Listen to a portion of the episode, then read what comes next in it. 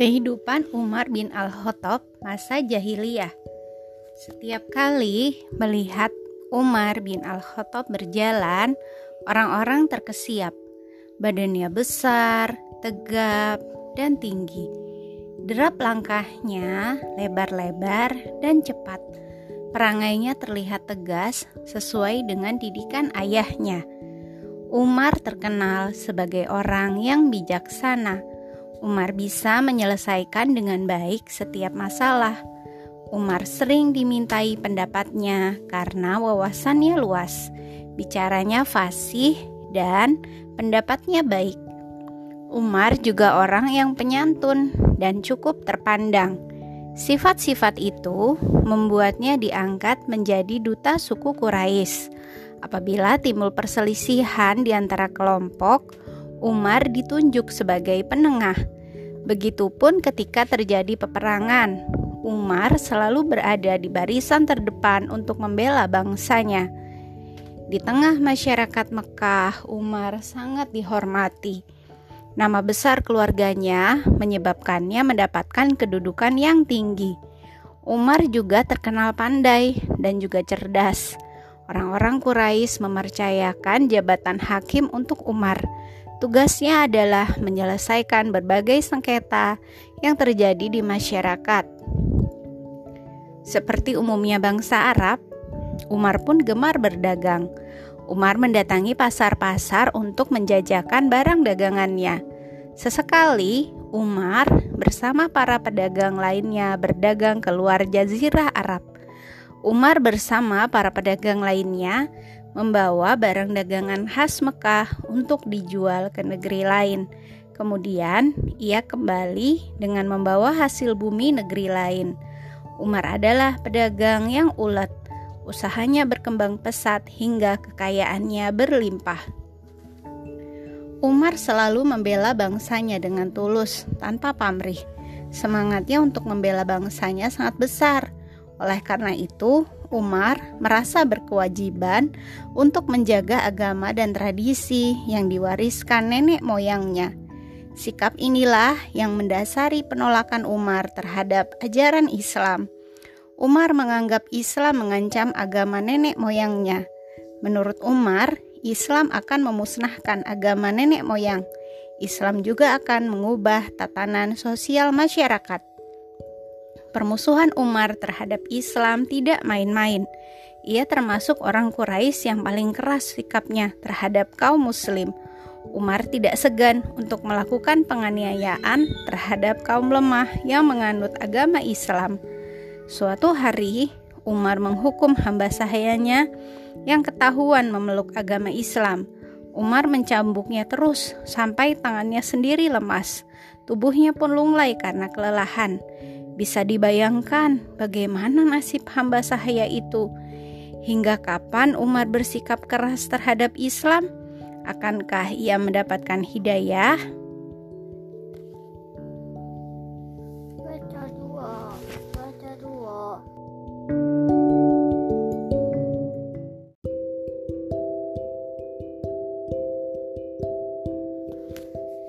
Hidayah menyapa Umar bin Al-Khattab Kaum muslim yang mengalami penyiksaan tetap memeluk Islam.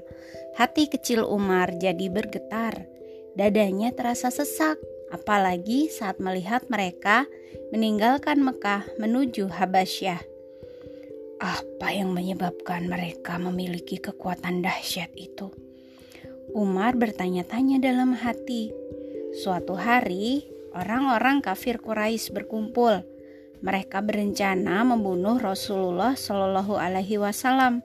Umar yang diberi tugas untuk melakukannya. Umar pun bergegas mencari Rasulullah Shallallahu Alaihi Wasallam dan para sahabat. Di tengah jalan, Umar bertemu dengan sahabat Rasulullah Shallallahu Alaihi Wasallam, yaitu Nuaim. Alangkah kagetnya Nuaim begitu mengetahui tujuan Umar.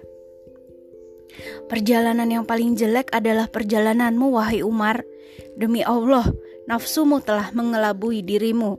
Engkau terlalu bersikap berlebihan. Nasihat Nuaim. Mereka terus berbicara hingga suara mereka makin meninggi. Nuaim melihat emosi Umar sulit untuk dipadamkan. Niatnya pun tidak bisa dicegah. Akhirnya, Nuai memberitahu Umar bahwa keluarganya ada yang masuk Islam. Siapa? Tanya Umar dengan mata menyala. Iparmu, anak pamanmu, dan saudarimu. Jawab Nuaim tenang. Mendengar perkataan Nuaim, Umar berbalik arah. Umar bergegas menuju rumah adiknya yang bernama Fatimah. Sesampainya di rumah Fatimah, Umar langsung menggedor pintu.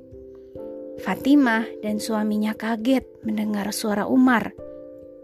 Keduanya berusaha menyembunyikan lembaran-lembaran Al-Quran yang sedang dibaca mereka. Umar memasuki rumah adiknya. Ia menatap adik dan iparnya lekat-lekat. Bisikan dan suara pelan apa yang aku dengar dari kamu tadi? Tanya Umar penuh selidik. Hanya cerita kami berdua, Jawab Fatimah pelan. Mungkin kamu berdua telah berpihak pada Muhammad. Desak Umar, matanya melotot. Fatimah dan suaminya berpandangan. Keduanya mencoba mengelak, tetapi Umar memaksa. Terjadilah pertengkaran hebat. Akhirnya, Fatimah dan suaminya mengaku sudah masuk Islam. Umar terdiam kemudian meminta lembaran Al-Quran. Tentu saja Fatimah menolak mentah-mentah, namun akhirnya ia memberikannya setelah Umar bersedia untuk bersuci. Umar tertegun membaca lembaran Al-Quran di tangannya. Surat Toha ayat 1 sampai 8 dan ayat 14 sampai 16 berhasil menghujam ke dalam hati Umar. Kemudian Umar berkata, "Yang mengatakan ini pastilah Tuhan yang tidak ada Tuhan lain yang disembah bersamanya. Tunjukkan kepadaku tempat Muhammad." Hati Fatimah membuncah bahagia. Hidayah Allah Subhanahu wa Ta'ala sudah hinggap di hati kakaknya. Fatimah melihat ketulusan di kedua bola mata Umar. Air mata bahagia membasahi pipi, membasahi pipi Fatimah. Adik Umar itu yakin bahwa tidaklah sulit bagi Allah Subhanahu wa taala untuk menggerakkan hati manusia. Lalu, bagaimana reaksi para sahabat Rasulullah Shallallahu alaihi wasallam melihat Umar masuk Islam? Nih. Petunjuk Allah. Itulah petunjuk Allah dengan itu dia memberi petunjuk kepada siapa saja di antara hamba-hambanya yang dia kehendaki. Quran Surat Al-An'am ayat 88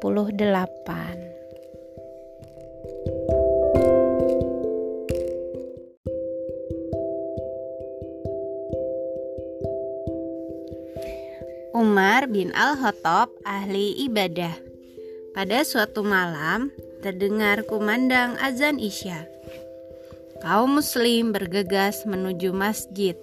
Mereka tidak mau ketinggalan untuk sholat Isya berjamaah. Amirul Mukminin Umar bin Al-Khattab sebagai imamnya. Begitu Umar takbir, suara langsung hening. Semua menjalankan sholat dengan khusyuk. Tidak lama kemudian terdengar suara Umar bergetar. Semakin lama, suaranya semakin berat.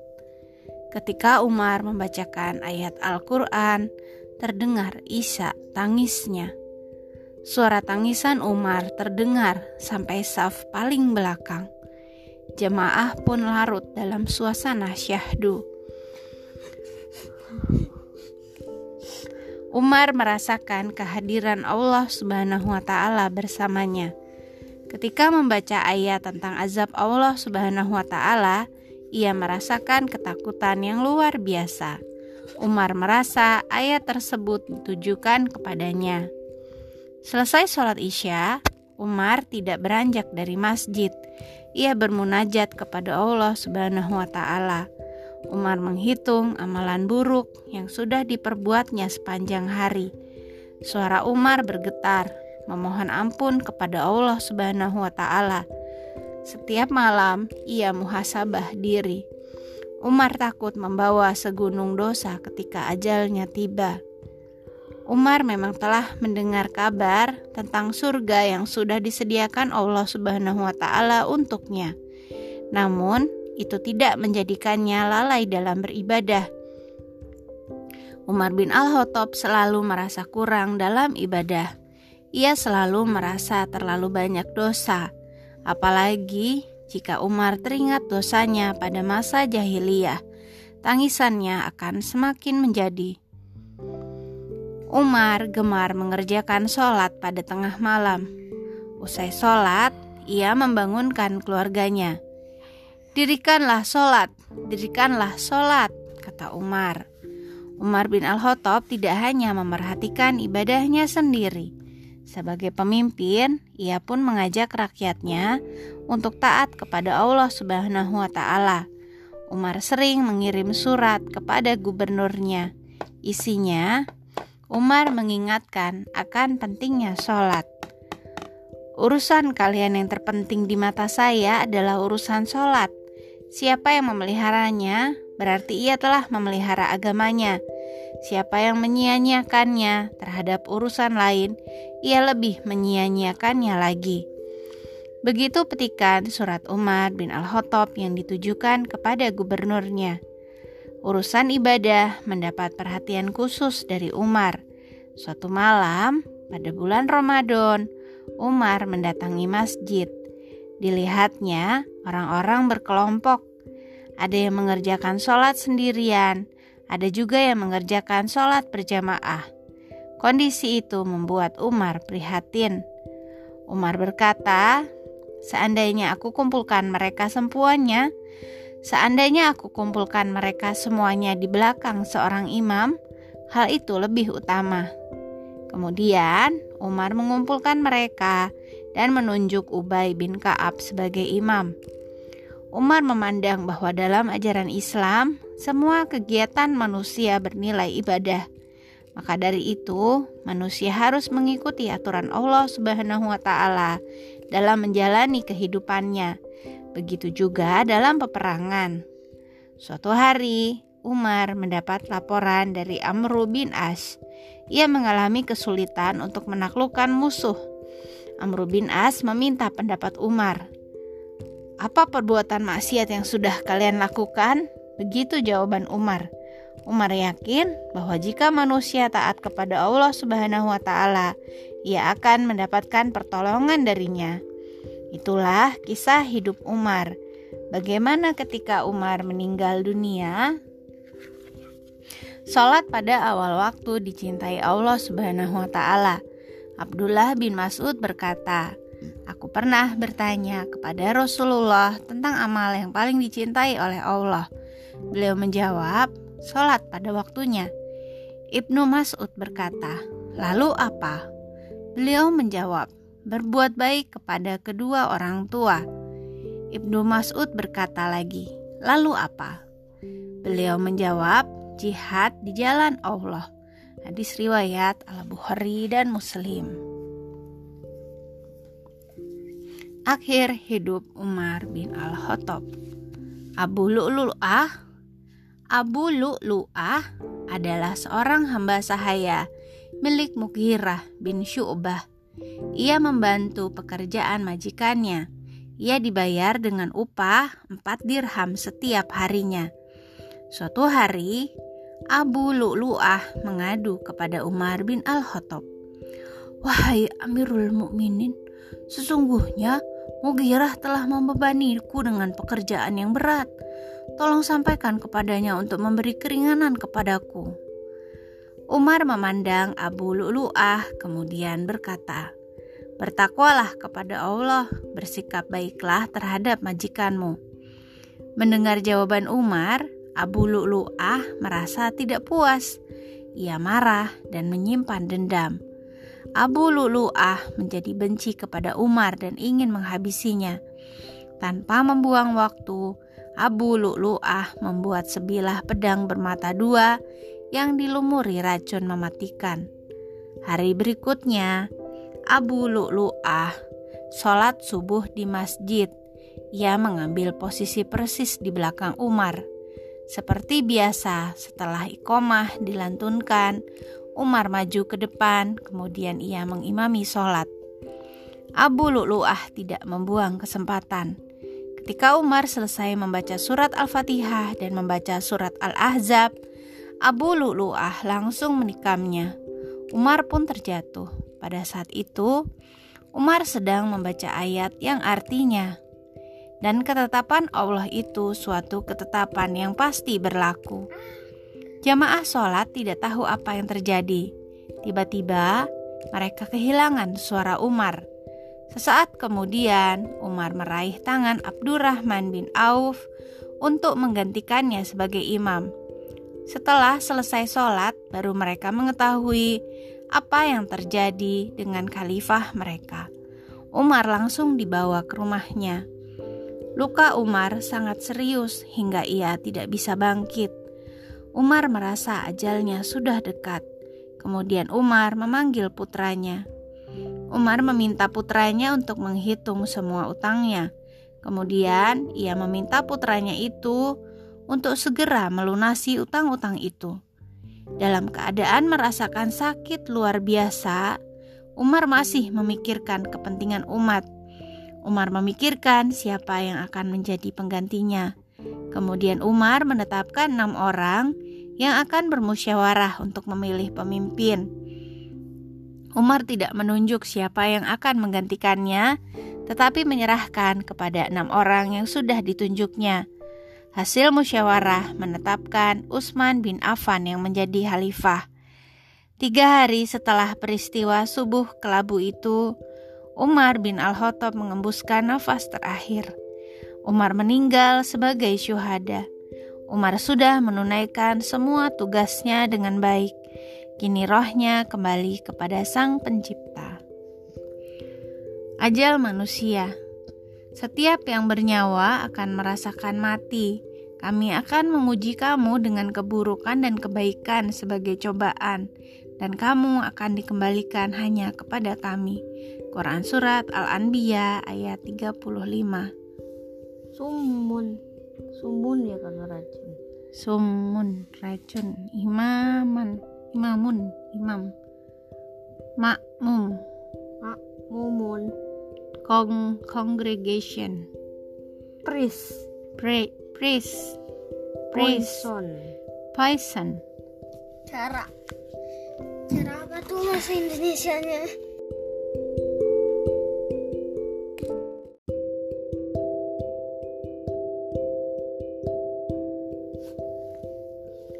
Jasa-jasa Khalifah Utsman Huzaifah bin Al-Yaman tampak mengernyitkan dahinya. Saat itu, ia bersama pasukan sedang dalam kondisi perang di Armenia dan Azerbaijan. Bukan perang yang membuat dahinya berkerut. Melihat kenyataan, pasukan kaum Muslim yang berasal dari beberapa wilayah membaca Al-Quran sesuai dialeknya masing-masing. Ia pun telah menemukan bukti perbedaan bacaan itu ternyata menimbulkan perselisihan. Mereka saling menganggap diri paling benar. Huzaifah merasa ini adalah hal yang berbahaya Sepulang dari peperangan tersebut, ia langsung melaporkan hal itu kepada khalifah. Wahai khalifah, cepatlah selamatkan umat ini sebelum menemui kehancuran. Ujar Huzaifah penuh khawatir. Mengenai apa ya Huzaifah? Tanya Khalifah Utsman. Mengenai kitabullah. Kata Huzaifah lagi. Saya telah mengikuti perang bersama mereka yang berasal dari Irak, Syam, dan Hijaz. Mereka membaca dengan bacaan yang berbeda. Mereka ternyata juga berselisih tentang cara membacanya. Saya khawatir nasib kitab suci kita seperti di tangan orang Yahudi dan Nasrani. Paparnya panjang lebar. Huzaifah pun menceritakan seluruh kejadian yang dialaminya dalam perang. Ia mengungkapkan secara terperinci tentang perselisihan itu. Wajah Khalifah Utsman tampak tegang mendengarnya. Ia pun bergumam, "Hmm, ini adalah masalah serius. Keaslian dan kesucian Al-Quran harus tetap terjaga. Persatuan umat harus tetap kuat." Setelah berpikir keras, Khalifah Utsman berhasil mendapatkan sebuah solusi. Ia segera memanggil Zaid bin Sabit. Ia adalah sahabat yang menjadi juru tulis Al-Quran. Zaid, aku ingin umat Islam memiliki pegangan yang mantap tentang bacaan Al-Quran. Oleh karena itu, aku menugaskanmu untuk menyalin lembaran Al-Quran menjadi satu buku saja. Perintah Utsman. Khalifah Utsman memerintah Zaid bin Sabit karena ia adalah orang Quraisy lisan bacaan Al-Qur'annya paling mirip dengan Rasulullah Shallallahu alaihi wasallam. Setelah bekerja beberapa lama, Zaid berhasil melaksanakan tugasnya. Hasil kerjanya adalah salinan lembaran Al-Quran. Bentuknya tersusun menjadi satu buku atau satu mushaf. Mushaf itu dikenal dengan nama Mushaf Usmani. Alhamdulillah, setelah itu tidak ada lagi perselisihan tentang bacaan Al-Quran. Kaum muslim telah memiliki satu mushaf Al-Quran dengan huruf yang sama untuk seluruh wilayah. Mushaf Usmani menjadi bagian terpenting dari kejayaan umat Islam. Ayat-ayat Al-Quran yang suci terpelihara hingga kini. Selain melakukan penyeragaman atas tulisan dan bacaan Al-Quran, Khalifah Utsman juga berjasa dalam pembuatan gedung peradilan. Gedung itu dikhususkan untuk mengadili suatu perkara. Dahulu, mengadili suatu perkara cukup diselesaikan di rumah khalifah, namun tidak pada masa Khalifah Utsman. Sistem tata negara dan perangkat pemerintahan pada masanya sudah lebih modern. Sistem peradaban pada masa Khalifah Utsman sangat nyaman. Nyamuk, namun tetap saja banyak manusia yang tidak puas. Benih-benih pertikaian karena nafsu pun mulai muncul. Bagaimana hal itu bisa terjadi? Keutamaan membaca Al-Quran. Rasulullah Shallallahu Alaihi Wasallam bersabda, "Sebaik-baik manusia di antara kalian adalah orang yang belajar Al-Quran dan mengajarkannya. Hadis riwayat Al-Bukhari, Abu Dawud, At-Tirmizi, An-Nasai, Ibnu Majah. Lanjut.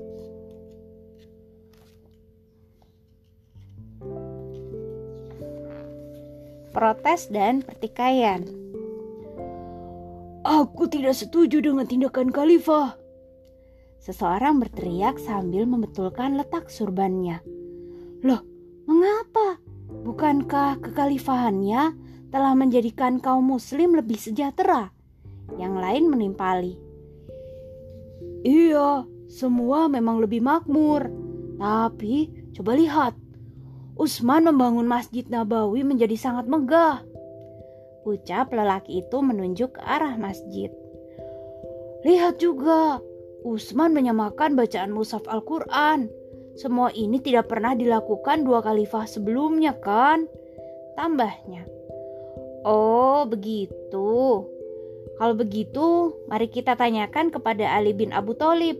Beliaulah yang selama ini menjadi sumber pertanyaan khalifah. Usul temannya. Aku setuju. Aku yakin sekali Ali pasti sependapat denganku. Jawabnya penuh semangat. Mereka menghadap Ali bin Abi Thalib. Reaksi ketidaksetujuan mereka tunjukkan. Namun dengan bijaksana Ali menanggapi, "Saudara-saudaraku, janganlah berlebihan. Sungguh, andai aku khalifah, niscaya aku akan melakukan seperti yang Utsman kerjakan. Aku akan mengambil kebijakan sama seperti dirinya." Pernyataan Ali menjadikan mereka sedikit tenang Ali dapat meredam pertentangan dan protes dari sebagian masyarakat. Sebenarnya, pertentangan-pertentangan itu muncul karena hasutan kaum Yahudi. Selain itu, ketidakpuasan juga memang muncul sejak pengangkatan Utsman sebagai khalifah. Persaingan antara Bani Hashim dan Bani Umayyah telah terjadi sejak 100 tahun sejak sejak 100 tahun sebelum kedatangan Rasulullah Shallallahu alaihi wasallam. Bani Hashim merasa bahwa merekalah yang seharusnya menjadi ahli waris Rasulullah Shallallahu alaihi wasallam dalam kekhalifahan. Ketidakpuasan lainnya pun muncul dari kabilah Arab yang bukan berasal dari kaum Quraisy. Ini tidak adil. Apakah kepemimpinan harus selalu dipegang orang-orang Quraisy? Bukankah orang Arab lain juga berjasa dalam Islam? Uh, sungguh tidak adil. Bukan ini yang diajarkan Islam. Protes lelaki Ansor. Tenanglah sahabatku, orang-orang Quraisy lebih dahulu memeluk Islam dibandingkan kita. Jadi wajar jika mereka lebih banyak mengambil peran dalam memimpin umat. Ucap sahabatnya memberi nasihat. Kelonggaran yang diberikan Khalifah Utsman sempat menimbulkan prasangka. Dulu Khalifah Umar sangat ketat dalam menikmati dunia. Ia selalu hidup sederhana. Saat ia menganjurkan hidup sederhana, semua orang menurutinya. Sedangkan Khalifah Utsman malah memberikan kenikmatan berlebih pada kita semua. Ujar seseorang berpendapat. Maklumlah, Utsman adalah pedagang sukses. Ia orang terkaya di Quraisy. Jadi wajar kalau ia ingin memberikan yang terbaik untuk rakyatnya. Pendapat lainnya. Eh, tapi Khalifah Utsman juga tidak hidup berfoya-foya kok. Ia tetap sederhana dalam kesehariannya. Yang lain menyanggah. Iya benar, tidak perlu kita bertikai dan membandingkan kebijakan khalifah sekarang dan yang dulu. Setiap khalifah punya kelebihan. Yang penting kita sekarang hidup sejahtera dalam iman dan Islam. Semuanya serempak berseru. Setuju. Masa Khalifah Utsman memang penuh warna. Protes, pertikaian, kecemburuan, dan ketidakpuasan adalah bentuk reaksi masyarakat yang dipimpinnya. Selain itu, kaum Yahudi pun melakukan penghasutan untuk membuat kondisi semakin kacau. Tuduhan dan fitnah pun sengaja mereka rancang. Mereka berencana menghancurkan kekhalifahan Utsman. Bagaimana fitnah-fitnah kaum Yahudi itu? Larangan bertengkar. Allah Subhanahu wa taala berfirman, "Dan janganlah kamu menyerupai orang-orang yang bercerai-berai dan berselisih sesudah datang keterangan yang jelas kepada mereka. Mereka itulah orang-orang yang mendapat siksa yang berat." Quran surat Ali Imran ayat 105. Maaf ya, Dek.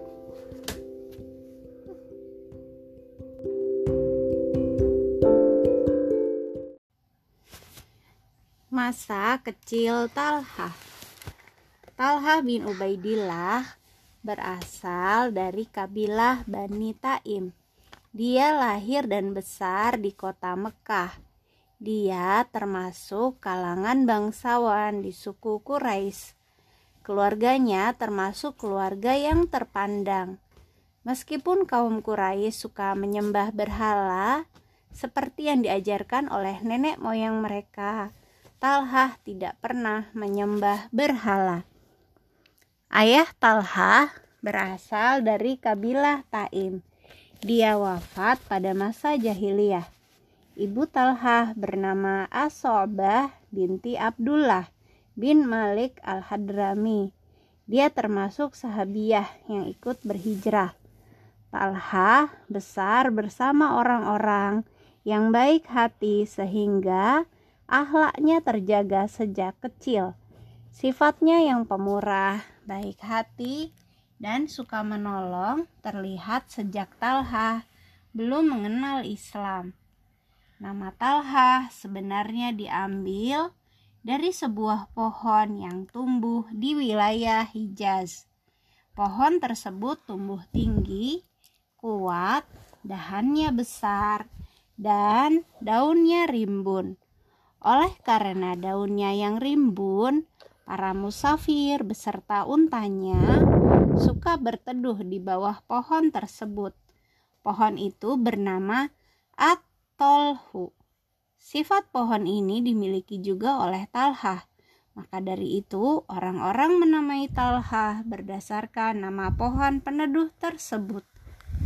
Ciri-ciri Talhah hampir menyerupai Rasulullah Shallallahu Alaihi Wasallam. Badannya tinggi tegap, kulitnya putih kemerahan, dan rambutnya lebat. Talhah juga berwajah tampan. Jika berjalan, dia selalu bergegas, tidak pernah pelan. Talha bersahabat dengan Zubair bin Awam dan Sa'ad bin Abi Waqqas. Usia mereka hampir sama.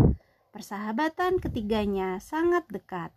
Saat itu, Talha berusia 15 tahun, sedangkan Zubair dan Sa'ad berbeda satu atau dua tahun lebih tua dari Talha. Kepribadian Talha sangat terjaga baik. Walau tumbuh di lingkungan orang-orang yang menyembah berhala, Talha tidak suka mengikuti agama nenek moyangnya. Talha juga selalu menepati janji, berbuat baik, dermawan, dan gemar menolong orang lain yang kesulitan. Talha berbeda dengan kaumnya yang gemar melakukan maksiat dan menyembah berhala. Daripada melakukan hal yang tidak baik bersama kaumnya, Talhah lebih senang menyibukkan diri dengan berdagang keluar Mekah. Talhah sering berdagang keluar kota Mekah. Talhah memang sangat ahli dalam berdagang. Setiap melakukan perdagangan, Talhah selalu mendapatkan banyak keuntungan. Selama tinggal di kota Mekah, Talha pernah mendengar tentang Rasulullah Shallallahu Alaihi Wasallam. Yang dia tahu Rasulullah Shallallahu Alaihi Wasallam dijuluki Al Amin karena memiliki sifat jujur yang luar biasa. Meskipun tahu akan keberadaan Rasulullah Shallallahu Alaihi Wasallam, Talha belum begitu mengenalnya dengan baik. Jarak usia Talhah dan Rasulullah Shallallahu Alaihi Wasallam terpaut jauh, sehingga dia sangat jarang berinteraksi secara langsung dengan Rasulullah Shallallahu Alaihi Wasallam. Suatu ketika, Talhah berdagang di Syam. Di mana Syam? Palestina. Palestina. Dia bertemu dengan seorang pendeta di sana Pendeta tersebut menyeru akan adanya nabi terakhir di Mekah. Hal ini membuat Talhah penasaran. Talhah pun segera pulang kembali ke Mekah. Dia ingin mencari nabi yang dimaksud pendeta itu. Pencarian Talhah berakhir saat bertemu dengan seorang nabi dari Mekah, Muhammad Shallallahu Alaihi Wasallam. Talhah pun masuk Islam bersama dengan beberapa sahabat. Nama Talha menjadi bagian dari sejarah Islam. Talha setia membela Rasulnya. Talha pun dijamin masuk surga oleh Allah Subhanahu wa Ta'ala. Ahlak terpuji, Talha, Talha berakhlak terpuji, gemar menolong sesama, dan lebih suka melakukan kebaikan. Ahlak Talha seperti pohon kurma yang seluruh bagiannya bermanfaat. Rasulullah Shallallahu Alaihi Wasallam bersabda, sesungguhnya permisalan mukmin seperti pohon kurma. Tidaklah kamu mengambil sesuatu darinya, niscaya bermanfaat bagimu. Hadis riwayat At-Tabrani.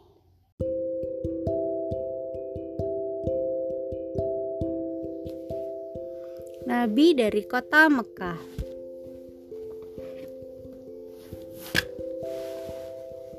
Suatu ketika, Talha berdagang di negeri Syam. Tiba-tiba saja dia mendengar teriakan seorang pendeta. Adakah di antara kalian yang berasal dari Mekah? Tanya pendeta tersebut kepada para pedagang yang sedang berkumpul termasuk Talha. Aku dari Mekah, jawab Talha cepat. Sudah munculkah di antara kalian orang yang bernama Ahmad?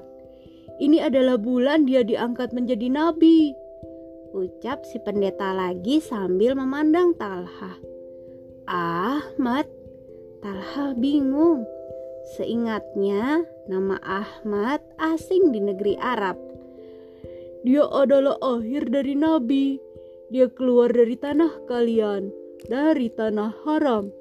Dia akan berhijrah menuju bumi yang memiliki batu hitam, pohon kurma, dan tanah berair. Jangan sampai engkau didahului orang lain, wahai pemuda. Jelas si pendeta. Pesan sang pendeta sangat membekas di hati Talha. Talha ingin segera menemui nabi terakhir tersebut. Dia tidak ingin ketinggalan dari para pengikut nabi lainnya. Talha meyakini bahwa ajaran yang dibawa oleh nabi itu adalah petunjuk kebaikan dan rahmat. Talha pun langsung menghentikan segala perniagaan yang sedang dilakukannya di Syam. Dia ingin segera pulang ke kota Mekah. Sudah beberapa bulan ini dia berdagang di Syam. Oleh karena itulah dia ketinggalan berita penting di Mekah. Jarak kota Syam ke, ke Mekah ditempuh selama sebulan berkendaraan unta. Sesampainya di Mekah, Talha langsung bertanya kepada keluarganya tentang yang terjadi di Mekah selama dia pergi. Ada berita apa saja saat aku pergi berdagang ke Syam? Tanya Talha. Ada orang yang mengaku bahwa dia nabi terakhir. Namanya Muhammad bin Abdullah. Temanmu Abu Bakar sudah percaya dan menjadi pengikutnya. Keluarga Talha menjelaskan kepadanya. Hmm, Abu Bakar dan aku berteman baik. Aku sangat mengenalnya. Dia bukan pendusta. Muhammad pun sama. Dia sangat terkenal dengan kejujurannya, sehingga Khadijah pun mempercayakan barang dagangannya kepada Muhammad untuk diperdagangkan di kota lain. Jadi tidak mungkin mereka berdua berdusta. Gumam Talha. Mendengar penjelasan dari keluarganya, Talha semakin tidak sabar ingin segera bertemu Rasulullah Shallallahu Alaihi Wasallam namun sebelum itu, Talha menemui Abu Bakar sahabatnya. Ketika keduanya bertemu, Talha langsung bertanya kepada Abu Bakar perihal nabi terakhir itu. Wahai sahabatku Abu Bakar, benarkah bahwa Muhammad bin Abdullah adalah seorang nabi terakhir? Talha bertanya penasaran. Benar Talha, jawab Abu Bakar. Apakah benar saat ini engkau pun sudah menjadi pengikut Nabi Muhammad? Tanya Talhah lagi. Benar, bukan itu saja Talhah. Bahkan aku akan menceritakan kepadamu tentang kejadian yang luar biasa. Abu Bakar kemudian menjelaskan peristiwa turunnya ayat pertama di Gua Hira. Lalu Abu Bakar mengajak Talhah bin Ubaidillah untuk memeluk agama Islam. Talha kemudian meminta Abu Bakar untuk mengantarnya bertemu Rasulullah Shallallahu Alaihi Wasallam sekaligus menjadi pengikutnya. Talha pun bersyahadat menyembah Allah Subhanahu wa taala yang satu dan mengakui bahwa Muhammad adalah utusan Allah Subhanahu wa taala. Dua sahabat berakhlak mulia itu pun telah memeluk Islam.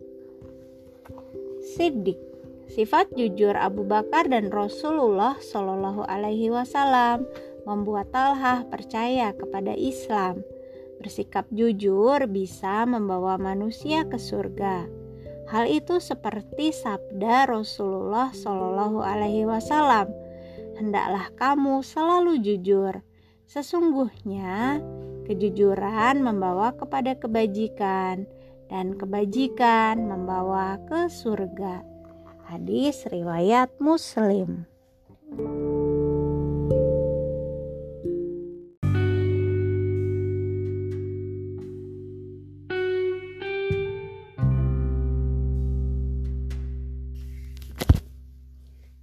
Jaminan masuk surga. Siapa yang dijamin masuk surga? Saat. Saat bin Abi Waqqas. Bin Abi Waqqas. Hmm. Suatu hari, para sahabat sedang duduk untuk mendengarkan kajian ilmu dari Rasulullah Shallallahu Alaihi Wasallam. Sesekali mereka bertanya tentang berbagai hal yang belum mereka ketahui. Rasulullah Shallallahu Alaihi Wasallam pun menjelaskan dengan penuh kesabaran dan kasih sayang.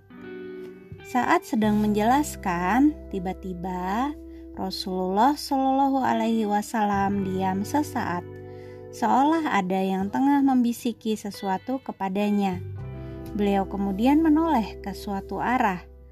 Para sahabat ikut berpaling ke arah yang dituju oleh Rasulullah Shallallahu Alaihi Wasallam. Dalam hati mereka bertanya-tanya, apa gerangan yang sedang dipikirkan dan ditunggu oleh beliau? Sebentar lagi akan lewat seorang penduduk surga di hadapan kalian, sabda Rasulullah Shallallahu Alaihi Wasallam.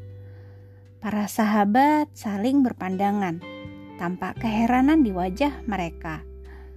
Penduduk surga, siapakah orang yang dimaksud itu? Batin mereka. Mereka pun menunggu dengan penuh rasa penasaran. Siapa kiranya gerangan orang yang dimaksud oleh Rasulullah Shallallahu Alaihi Wasallam itu? Tidak lama kemudian, lewatlah sosok yang amat dikenal oleh para sahabat. Dia adalah Sa'ad bin Abi Waqqas. Masya Allah, betapa beruntungnya Sa'ad. Bayangkan, saat dikatakan sebagai penduduk surga oleh Rasulullah Shallallahu Alaihi Wasallam.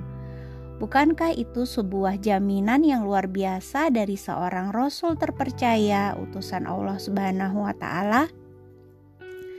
Para sahabat pun bertanya-tanya, apa yang membuat saat sampai mendapatkan jaminan itu? Amalan istimewa apa yang telah dilakukannya?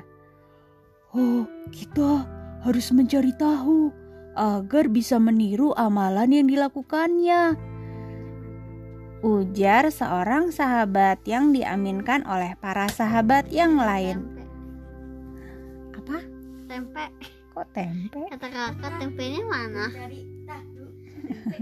Tahu tempe. mana? Mencari tahu itu me- mencari informasi. Salah seorang sahabat bernama Abdullah bin Amr bin As kemudian mengikuti Saat. Dia mengamati semua amalan yang dilakukan oleh Saat.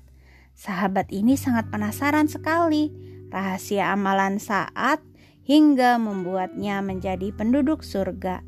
Akan tetapi, tidak satupun amalan-amalan itu terlihat istimewa karena para sahabat yang lain juga melakukannya. Rasa penasaran membuat Abdullah pun memutuskan untuk menemui Saat dan bertanya langsung kepadanya. Wahai saat, sesungguhnya Rasulullah telah berkata bahwa di hadapan kami akan lewat seorang penduduk surga. Tidak lama kemudian kami melihatmu lewat. Kalau tidak keberatan, maukah kau memberitahu kami amalan istimewa apa yang engkau yang telah engkau lakukan? Wajah Saat tampak cerah. Berita yang dibawa Abdullah sungguh membahagiakan hatinya. "Eh, tidak ada amalan istimewa yang aku lakukan, Abdullah. Ibadahku pun tidak lebih banyak dari yang kalian lakukan. Hanya saja, aku tidak pernah menyimpan rasa dengki dan niat buruk terhadap kaum muslimin. Jawab saat. Abdullah manggut-manggut mendengar penjelasan saat. Dia paham sekarang alasan mengapa saat sampai mendapat jaminan sebagai penduduk surga.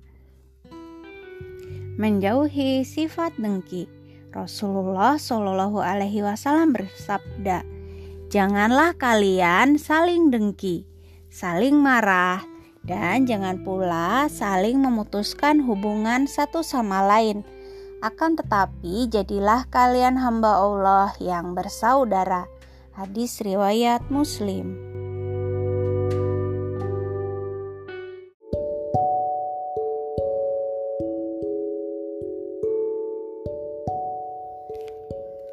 Kondisi Mekah dan Jahiliyah. Wajah lelaki itu memerah seperti panasnya mentari siang itu. Kepalanya tertunduk lesu. Di wajahnya tampak kesedihan. Kedua matanya menahan bulir-bulir air mata. Di sekelilingnya orang-orang sedang berpesta. Mereka merayakan salah satu hari besar kaum Quraisy Para laki-laki mengenakan serban usutra yang mahal. Para wanita dan anak-anak berpakaian bagus dengan warna yang cerah. Mereka juga mengenakan perhiasan indah. Semua orang memakai pakaian bagus dan perhiasan. Bahkan hewan peliharaan pun dipakaikan perhiasan. Setelah itu, hewan-hewan itu disembelih di hadapan patung-patung yang mereka sembah. Mengapa mereka ingkar kepada Allah? Mengapa mereka ingkar kepada agama Ibrahim? Gumam lelaki itu. Saat itu adalah masa jahiliyah. Penduduk Mekah kala itu masih hidup dalam kesesatan, mengingkari ajaran Nabi Ibrahim alaihi salam dan kembali ke ajaran nenek moyang mereka menyembah berhala. Banyak orang yang bermaksiat kepada Allah Subhanahu wa taala. Selain menyembah berhala, mereka juga kerap mabuk-mabukan dan mengubur bayi-bayi perempuan hidup-hidup meskipun anak kandungnya sendiri. Sungguh kejam perbuatan mereka. Lelaki itu semakin sedih melihat kondisi ini. Bodoh sekali kalian mau menyembah berhala. Serunya. Lelaki itu tahu berhala-berhala tersebut hanyalah bongkahan batu, tidak bisa berbuat apa-apa. Akan tetapi, tetap saja para penduduk jahiliyah menyembahnya. Mereka tidak mau mendengarkan pendapatnya. Namun, lelaki itu tetap berusaha menyadarkan para penyembah berhala. Wahai kaum Quraisy, Allah telah menurunkan hujan untuk kalian menumbuhkan tanaman untuk kalian, dan menciptakan kambing untuk kalian. Tetapi mengapa kalian menyembelih binatang-binatang ini untuk selain Allah? Bagaimana hal ini bisa terjadi? Kata lelaki itu. Mendengar teriakannya, Al-Khattab, pamannya yang juga ayah Umar bin Al-Khattab, berdiri dan mendekatinya. Ini bunyinya. Wajah lelaki itu seketika memerah terkena tamparan Al-Khotob. Kurang ajar, beraninya kamu bicara begitu, bentak Al-Khotob. Lelaki yang bersih hatinya itu adalah Zaid bin Amru bin Nufail al-Adawi. Dia merasa tidak nyaman dengan perilaku penduduk jahiliyah. Zaid bin Amru adalah orang yang cerdas Nalarnya tidak menerima sikap kafir Quraisy. Akan tetapi dia tidak tahu bagaimana cara beribadah yang dikehendaki Allah Subhanahu wa taala. Zaid yakin bahwa patung-patung berhala itu tidak layak untuk disembah. Dia hanya berdoa dan meyakini Allah Subhanahu wa taala itu esa. Tuhan, aku tidak tahu sujud dengan siapa. Gumamnya. Cara ibadah Zaid yang berbeda membuatnya disiksa dengan kejam oleh pamannya Al-Khattab. Namun itu tidak membuatnya jerah. Dia tetap memilih ajaran Nabi Ibrahim ajaran Nabi Ibrahim alaihi salam. Dia tidak menyekutukan Allah Subhanahu wa taala. Dia tidak menyembah berhala, bintang atau matahari. Sayangnya, dia juga tidak tahu bagaimana caranya bisa beribadah kepada Allah Subhanahu wa taala.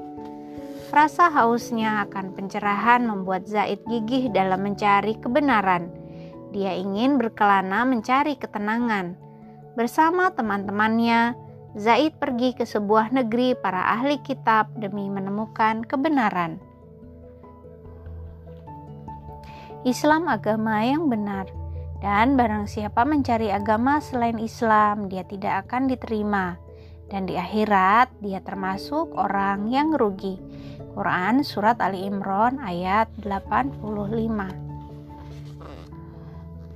Mencari kebenaran ke negeri Syam Panas mentari begitu menyengat Keringat deras membasahi tubuhnya Tangannya memegang kendali unta Zaid bin Amru berkelana ke berbagai daerah.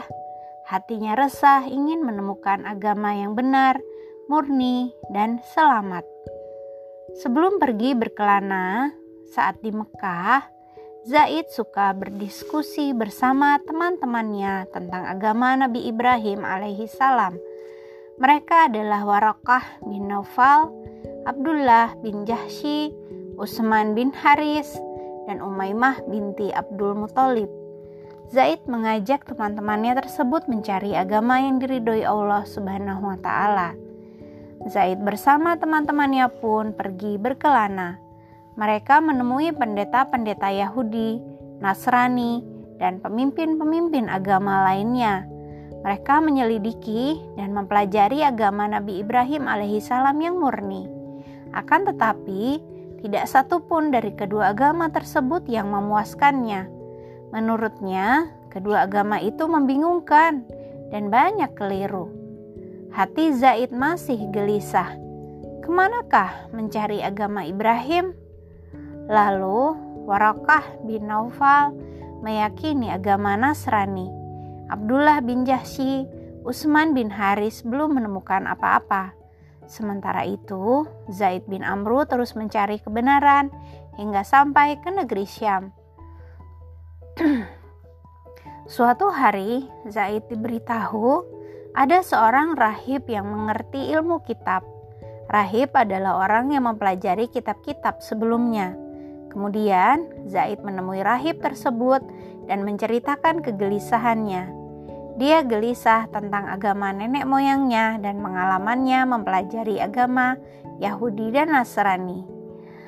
Berarti kamu termasuk orang yang Hanif, kata sang rahib. Hanif? Tanya Zaid.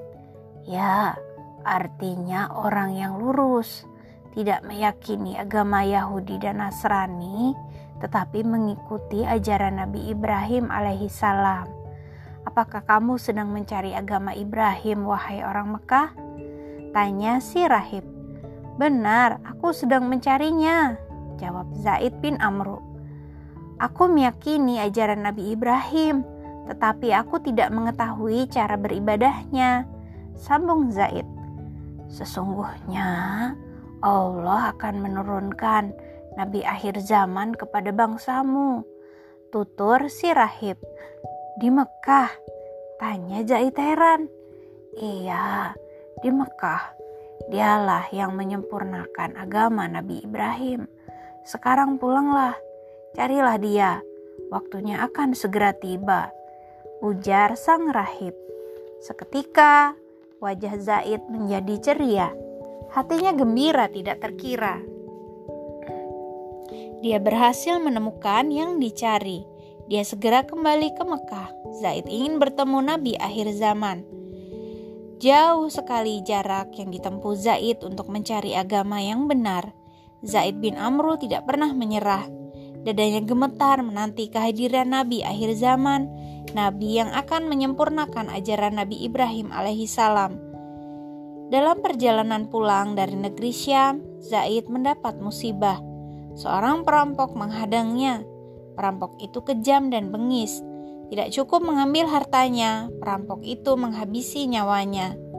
Zaid bin Amru pun terbunuh di tangan si perampok. Sebelum wafat, Zaid berdoa, "Ya Allah, aku tidak berhasil menemukan agama yang benar. Janganlah Said nanti anakku gagal pula." Jadi bapaknya Sa Said bin Zaid yang mendoakan ini cerita bapaknya dulu ya bapaknya namanya Zaid namanya punya nama Said jadi bapaknya pas meninggal itu berdoa doain anaknya supaya nanti bisa ketemu sama agama yang benar jadi ketemu di sana Rasulullah. Agama adalah nasihat. Rasulullah Shallallahu Alaihi Wasallam bersabda, agama adalah nasihat. Kami bertanya, bagi siapa wahai Rasulullah? Rasulullah Shallallahu Alaihi Wasallam menjawab, bagi Allah, kitabnya, Rasulnya, bagi para pemimpin kaum muslim, dan bagi kaum muslim secara umum. Hadis riwayat Muslim.